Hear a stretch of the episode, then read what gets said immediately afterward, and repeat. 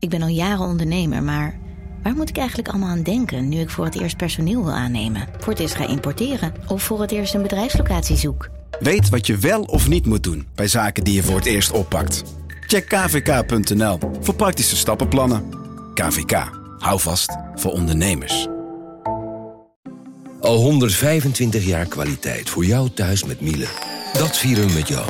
Ontvang nu tijdelijk een cashback tot 125 euro op veel Miele-apparatuur. Geniet van de kwaliteit van Miele. Voor perfect verzorgd wasgoed en kleding die veel langer mooi blijft. Voor een stralend schone vaat, even perfect als jouw diners. En een stofvrij thuis waarin echt hygiënisch schoon de standaard is. Check miele.nl voor alle feestelijke aanbiedingen.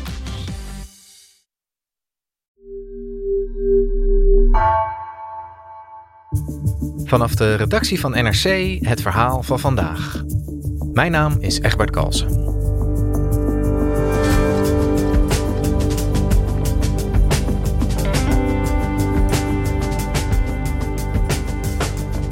Na jaren vertraging begint vandaag dan eindelijk een proef met legale wiet. Vooralsnog doen alleen Tilburg en Breda mee en dat brengt risico's met zich mee, vertelt verslaggever Denise Retera. Is dit het begin van het einde van het roemruchtige gedoogbeleid?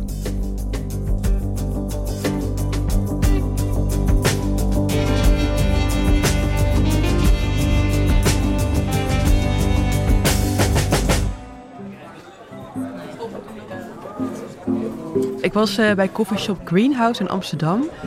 En als je die binnenkomt, dan zie je heel veel toeristen zitten, want Amsterdam Centrum.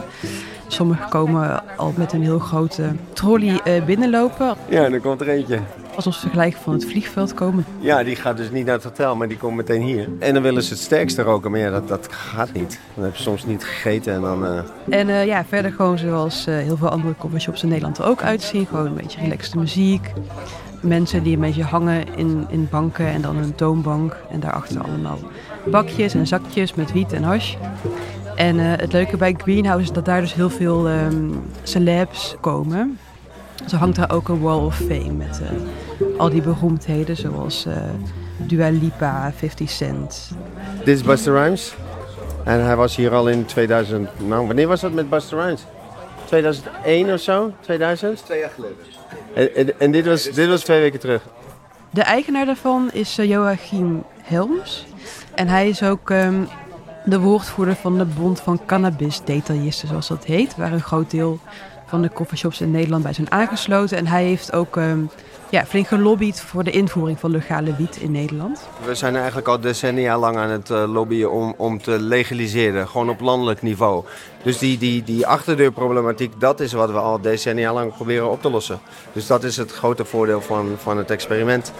Want in Nederland is op dit moment een gedoogbeleid als het gaat om wiet. En het wordt dus gedoogd dat het verkocht wordt in coffeeshops. Maar die achterdeur van de coffeeshops, wat daar gebeurt, uh, dat is wel uh, illegaal. Uh, dus de productie ervan en de levering ervan. Dat levert een gekke dagelijkse praktijk op voor coffeeshops. Ik denk dat dit 380 gram is of zo, als ik het zo zie. We mogen maar 500 gram hebben, dus de uh, politie komt uh, af en toe binnen, doen, uh, doen een, een steekproef. En dan gaan ze de voorraad wegen. En dan moet je onder de 500 zitten, anders dan, dan heb je een probleem. En ja, de gemiddelde gebruiker koopt een paar gram per keer. Dus dat is gewoon best wel lastig als je goed lopende koffieshop hebt. Want dat moet dus ook op een soort geheimzinnige wijze in die koffieshop terechtkomen. En daardoor wilde Joachim er ook weinig over kwijt. Hier komt het op een of andere manier gewoon uit de lucht vallen en uh, is het er ineens. Omdat het dus illegaal is wat er aan die achterdeur gebeurt. Ja, nu valt het uit de lucht. Ja. Met alle hoofdpijn die daarbij hoort. Ja, en van die hoofdpijn willen we af. Ja, hij zei ook van het is ook lastig. En dat zei de andere coffeeshophouders ook tegen mij. Van je bestelt dat en je brengt daarmee eigenlijk de kwekers en de leveranciers in gevaar omdat het dus illegaal is. Maar ja, die jongen die het aanlevert, je wil dat die jongen gewoon een goede baan heeft en op de loonlijst staat en zijn verzekeringen betaalt en dergelijke. Want die moet weer naar een plekje waar het illegaal is en waar die kans heeft om overvallen te worden of, of nog erger. Uh, dus dat wil je eigenlijk allemaal voorkomen. Het is eigenlijk maar ja, het kan niet anders, want je hebt niet nodig voor je koffieshop. Dus dat is die, uh, eigenlijk die uh, achterlijke situatie die we gaan oplossen met het experiment. Want dan mag er gewoon via de voordeur worden uh, aangeleverd. Dus dan bel je gewoon op en dan en betaal je per bank. En dan komt de waardetransport en die brengt het en dan leg je het in je kluis. En dat is zoals het zou moeten eigenlijk. Er zijn nog een aantal andere dingetjes die er dan anders uitzien. Wat niet per se voor elke koffieshop even leuk is, heb ik vernomen. Maar alle verpakkingen, die worden ook hetzelfde. En er gaan waarschuwingen op staan. Kijk, we hebben nu zulke zakjes. Er zitten allemaal gewoon mooie tulpenvelden op en, uh, en dergelijke. En straks krijg je eigenlijk een meer neutrale verpakking. Met mag een heel klein logo op staan. Een soort bijsluiter, zeg maar. Maar het mocht niet te aanlokkelijk zijn. Dat was eigenlijk het uh, belangrijkste. En uh, coffeeshops die moeten ook betere voorlichting geven over ehm, het gebruik van cannabis. Waar ze wel blij mee zijn, is dat ze ook veel beter een beeld kunnen vormen van wat er in hun producten zit. Omdat die dus ehm, uh, op kwaliteit gecontroleerd worden en er komen labrapporten van. De, de betere coffeeshops uh, die testen wel hun wiet, zeg maar. Uh, dus dat, dan weet je wel dat die schoon is en hoeveel THC erin zit. maar straks wordt het gewoon in een laboratorium getest en dan komt er gewoon een bijsluiter en dan staat gewoon net als op een flesje bier precies wat er allemaal in zit. En Joachim die zou dus graag zien dat het wiet-experiment succesvol verloopt en straks alle coffeeshops in Nederland kunnen meedoen. Want Amsterdam-Oost is wel geselecteerd voor de wietproef. Maar waar zijn coffeeshop zit in het centrum niet. Maar hij wil gewoon echt af van die achterdeur wiet. En kijkt ernaar uit om het gewoon van achter zijn laptop te bestellen. Want de coffeeshopbranche in Nederland kan er heel anders uit gaan zien als het experiment succesvol gaat zijn. Dus Denise, voor, uh, voor coffeeshophouders gaat er een hoop veranderen in de toekomst, hè, zei je al. Waarom willen we eigenlijk als maatschappij die, die wiet, die cannabis legaliseren? Waarom is die proef bedacht? Nou ja, onder meer omdat het gedoogbeleid ingewikkelde situaties oplevert. Want ja, het is gewoon ingewikkeld als een branche half legaal, half illegaal is. We hebben dat vanaf de jaren zeventig ongeveer, rond de eeuwwisseling, ontstond bij justitie en politie opeens de vraag van... Ja, wat gebeurt er eigenlijk bij de achterdeur? Want die coffeeshops waren best wel gegroeid en vercommercialiseerd en ze hadden er weinig zicht op. En er eh, kwamen ook een aantal onderzoeken uit die georganiseerde criminaliteit koppelden aan die coffeeshopbranche. Dus politie en justitie gingen in de jaren daarna uh, harder optreden tegen coffeeshops en ook tegen uh, wietkwekerijen. Ja, en er werden dus ook best wel wat coffeeshophouders voor de rechter gesleept. Maar die rechters hadden zoiets van, ja, in theorie zijn ze wel schuldig, maar het voelt gek om ze een straf te geven, gezien we gedoogbeleid hebben. Dus de rechtspraak die legde eigenlijk het probleem bij de politiek neer. Uh, nou ja, toen werd dus het wiet-experiment bedacht, kwam in het coalitieakkoord. Een van de opvallendste plannen van het nieuwe kabinet is een experiment met wietplantages onder staatstoezicht. Die plantages moeten zo'n tien gemeenten van legale wiet voorzien. Nu nog wordt dat gedoogd, dat coffeeshops wiet verkopen. Maar is het voor ondernemers illegaal om drugs in te kopen? En uh, André Knotneres die werd uh, door de overheid gevraagd om na te denken over de invulling van dat wiet-experiment. En hij was tot met 2017 de voorzitter van de Wetenschappelijke Raad voor het Regeringsbeleid. Op legalisering van uh, marihuana. Er werd natuurlijk verschillend over gedacht. Aan de ene kant. Aan de andere kant was toen al onder het publiek het draagvlak voor legalisering erg ruim. En dat heeft ertoe geleid dat men gezegd heeft: Nou, als we het dan niet eens kunnen worden nu over wel of niet legalisering, laten we dan een experiment doen om te kijken hoe het uitpakt. Hij leidde een adviescommissie en kwam in 2018 uh, eh, met zijn rapport over nou ja, hoe dat experiment eruit moest komen te zien. Nou, we hebben geadviseerd om tien gemeenten aan te wijzen waarin de legale cannabis kan worden aangeboden aan coffeeshops.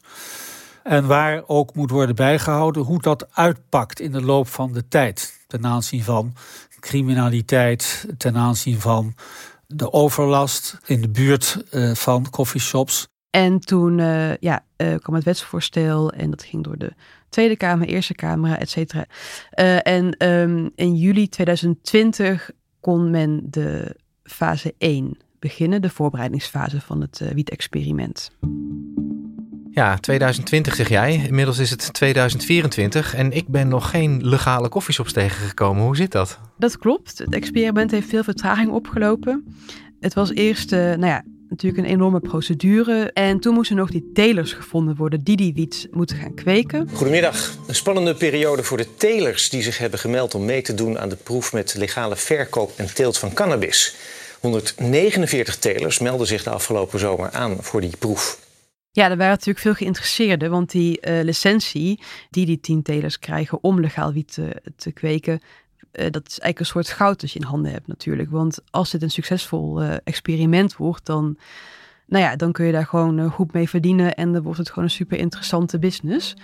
Eind 2020 werden de tientelers ingelood die cannabis zouden gaan leveren. Ja, maar dat is dus niet gelukt. Waar, waar, waar lag dat aan? Nou ja, in eerste instantie moesten die telers natuurlijk ook nog hun hele bedrijf opzetten in veel gevallen.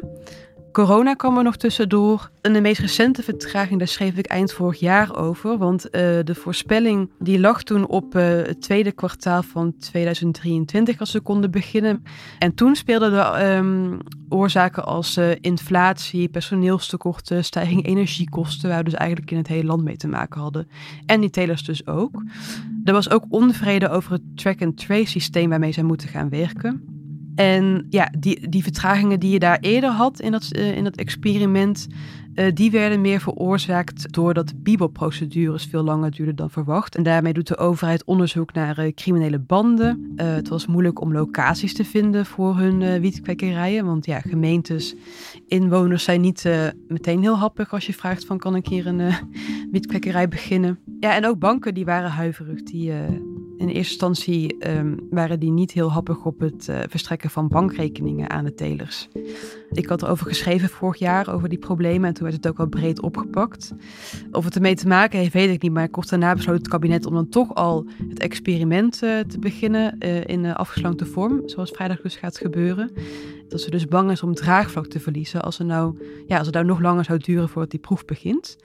Ja, dus vrijdag gaan ze beginnen op, op heel kleine schaal. Ja, want dat, uh, het, het, is nu eindelijk zover, zou je dus kunnen zeggen. Hè? een enorm lange aanloop. Ja. En vanaf deze vrijdag krijgen we dus legale koffieshops in Nederland. Kan je eens vertellen, hoe, hoe ziet dat experiment er precies uit? Ja, uh, nou, uh, drie telers zijn nu klaar om te beginnen vrijdag. Dat is um, Fred van der Wiel van het bedrijf Vita uit Waalwijk. Kan Adelaar, een bedrijf in Hellevoetsluis. En Bart Volleberg van Aardachtig in Almere. En die hebben ook allemaal heel verschillende achtergronden. Want Fred... Um, is wel uh, hiervoor uh, recent begonnen met uh, het kweken van medicinale cannabis, las ik ergens. En, maar daarvoor zat hij dus in de schoenenbranche. En Bart Volleberg van Aardachtig, die heeft juist echt al jarenlange ervaring in deze hoek. Ja, en die telers die gaan leveren aan twee gemeenten, coffeeshops in twee gemeenten, Breda en Tilburg. Ja, dus een heel andere situatie dan dat de bedoeling was. En nou ja, dat, dat is wel een beetje risicovol. Ja, in ieder geval veel, eh, veel kleinschaliger uh, dan destijds uh, gedacht was hè, toen ze het afspraken. Twee gemeenten, Breda en Tilburg. De bedoeling is om met dit experiment uit te vinden of, of dat nieuwe model voor heel Nederland zeg maar, de basis kan vormen. Heeft zo'n heel klein experiment dan wel zin? Gaat dat wel werken? Ja, het is een risico om te beginnen met maar twee gemeenten en maar twee telers. Want in het advies van um, de commissie Klotneren stond juist... als je met te weinig telers begint uh, dan krijg je onvoldoende concurrentie en dat heeft dan weer invloed op de prijs, kwaliteit en variëteit van de producten mogelijk. En uh, daaruit vloeit het risico dat consumenten uh, dat product misschien niet gaan kopen. We hebben destijds gezegd: zorg ervoor dat alle gemeentes en alle telers tegelijk klaar zijn. Plan het zo dat je in één keer wel goed voorbereidt Neem daar rustig een jaar voor, dat is noodzaak. Maar dat je het hele assortiment in alle gemeentes tegelijk kunt uitrollen, omdat dan uh, het assortiment het meest aantrekkelijk is voor de consumenten. En je ook de grootste kans hebt dat je de illegale wiet er in één keer uitdrukt. En ook, ja, je hebt dus nu een legale stroom naast een illegale stroom wiet. Want die uh, coffeeshops mogen de illegale producten ook blijven verkopen. Terwijl je juist wil dat er aan de achterkant een overzichtelijke situatie komt. En niet dat legaal en illegaal eenmaal door elkaar loopt. Ah, dus, dus die coffeeshops die meedoen aan dit experiment en die telers die meedoen aan het experiment, dat is niet in plaats van zeg maar de illegale telers. Een coffeeshop kan nu een legaal cannabiskanaal hebben en daarnaast ook nog een illegaal kanaal. Ja, ja want uh, ze hebben gewoon nog te weinig aanbod van die telers, omdat het te weinig zijn. Dus ze moeten nog wel hun oude aanbod ook uh, in stand houden. En wat betekent dat dan voor die, voor die nieuwe legale telers? Ik bedoel, kunnen die dan wel, uh, zit er genoeg, kunnen ze daar genoeg geld mee verdienen? Ja, dat is dus um, spannend. Uh, dat is sowieso spannend. Maar nu helemaal omdat je die illegale stromen nog naast hebt. Want die hebben financieel best wel veel geïnvesteerd. Ja, maar goed, die hebben er ook een voordeel bij om wel nu al te beginnen, want ze zijn al klaar. En Fred van den Wiel, die was vorig jaar al klaar en die zei toen ook tegen mij van ja, elke maand dat ik dus stilsta, als ik niet kan beginnen met leveren, draai ik verlies. Dus dat is een beetje het dilemma voor, waarvoor ze staan. En ik sprak daar ook over met André Klotneris. Dat is iets wat natuurlijk voor Breda en Tilburg van belang is. Wat je alleen niet moet doen nu, is in die twee gemeentes al net te doen of je het wetenschappelijk kunt evalueren. Want die evaluatie kan pas echt plaatsvinden en van start gaan als alle elf gemeentes meedoen. En ja, de burgemeesters van Tilburg en Breda die hebben ook wel een vinger in de pap gehad uh, bij het plan om nu al te beginnen. Die uh, zijn sowieso best wel voorvechters van het experiment geweest altijd. En Theo Weterings, burgemeester van Tilburg, die zei ook tegen mij van ja, als we nu echt met z'n allen waren begonnen, alle telers, alle gemeentes, had dat misschien ook al voor een enorme chaos gezorgd. En nu kunnen we gewoon rustig kijken wat zijn de verbeterpunten en hoe kunnen we die aanpakken. Ja, dus die is eigenlijk wel, wel blij dat het in, in deze kleine vorm uh, van start gaat, zou je kunnen zeggen. Hoe, hoe kijken koffieshophouders er nou tegenaan dat er eigenlijk vanaf nu ook eh, weliswaar nog in experiment, maar legale wiet verkocht kan worden? Ja, die zijn erover verdeeld nogal. Um, je bent gewoon af van die illegaliteit aan de achterdeur. Maar ja, je hebt ook natuurlijk coffeeshops die gewoon erg gehecht zijn aan uh, hun huidige uh, kleinere kwekers en tevreden zijn over de kwaliteit van wat zij leveren. Ja, Joachim bijvoorbeeld, die, um, ja, die is dus wel erg gehecht aan het huidige aanbod dat hij aan de achterdeur uh, krijgt. Hij liet ook um, vol trots zijn menukaart zien. Ja, we hebben zeg maar ongeveer 20, 20 wietsoorten. Wat exclusievere soorten. Sommige soorten hebben wij uh, uh, prijzen mee gewonnen. Kijk, hier zijn een paar prijzen. Het gaat, zijn al sinds 1994, dus sommige zijn wat ouder. En ja, hij is gewoon ook best wel huiverig, wat we al eerder zeiden, uh, dat er gewoon niet voldoende variëteit gaat komen in het aanbod van de legale kwekers. Dus net als je naar, je naar een, een, wijnwinkel gaat, dan heb je ook niet maar drie soorten. Je hebt er 300 toch? Dus de coffeeshop klanten die willen die variëteit hebben. Dus als jij dat niet kan vinden in de legale aanvoer in de coffeeshop, dan ga je naar de zwarte markt. Ja, ze vinden het wel spannend of er genoeg variëteit gaat komen in de wiet die geleverd gaat worden door de uh, legale kwekers. En ja, het risico dat je gewoon hebt is dat consumenten uit gaan wijken naar andere steden waar de wietproef niet draait en dat ze dus hun klandizie kwijt zijn. Ja, het gaat gewoon, uh, het gaat gewoon spannend worden. En is het nou de bedoeling dat we over een paar jaar alleen nog maar legale wiet in Nederland hebben? Uh, die vraag hangt dus af van het succes van het experiment. Na de aanloopfase die nu begint, die maximaal zes maanden mag duren, uh, ja, gaat het als goed is echt van, uh, van start. En het duurt dan vier jaar in principe en het uh, kan dan nog verlengd worden met anderhalf jaar. En in die tijd wordt het goed gemonitord. En ja, daarna gaan ze dus beslissen. En ja, er zullen nog wel wat dilemma's komen, denk ik. Want, en dat schreef Klot Neres in, dat, in zijn rapport, van het kan natuurlijk zijn dat het wiet-experiment op zich succesvol is, maar dat het, het cannabisgebruik daardoor in Nederland ook is toegenomen ja, wat ga je dan doen? Ja. Het blijft voor mij toch wel een beetje gek, zeg maar, dat we binnenkort dus gewoon een legale vorm van softdrugs weliswaar, dat, dat die gewoon geïntroduceerd wordt nu, toch? Is daar überhaupt nog debat over? Nee, het is politiek inmiddels wel vrij onomstreden, omdat het gewoon natuurlijk al zo lang, lang geleden bedacht is. En uh, bovendien, dat vertelde Knot Neres ook aan mij van kijk, als het experiment, ik bedoel, dat gaat sowieso komen. Daar is een wet voor, dat kan niet meer echt afgeblazen worden. Maar stel dat het een kabinet is dat uh, dus niet zo uh, pro-legalisering van uh, softdrugs is.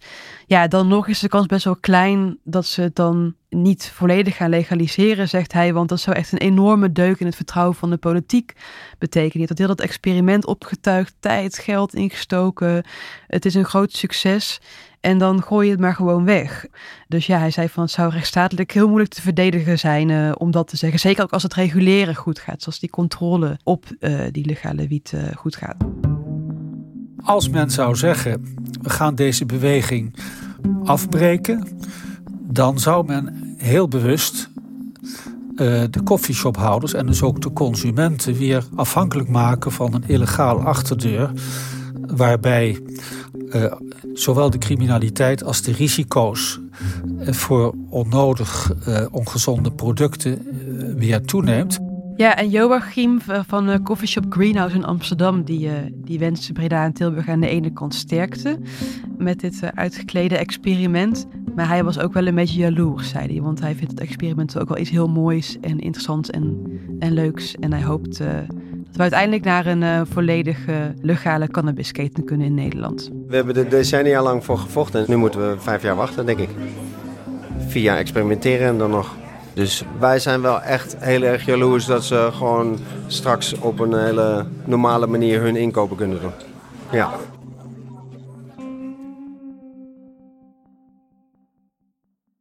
Dankjewel Denise. Alsjeblieft.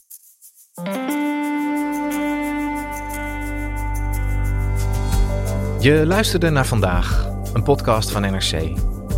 Eén verhaal, elke dag. Deze aflevering werd gemaakt door Esme Dirks en Marco Raaphorst. Coördinatie Henk Ruigrok van de Werven. Dit was vandaag, maandag weer.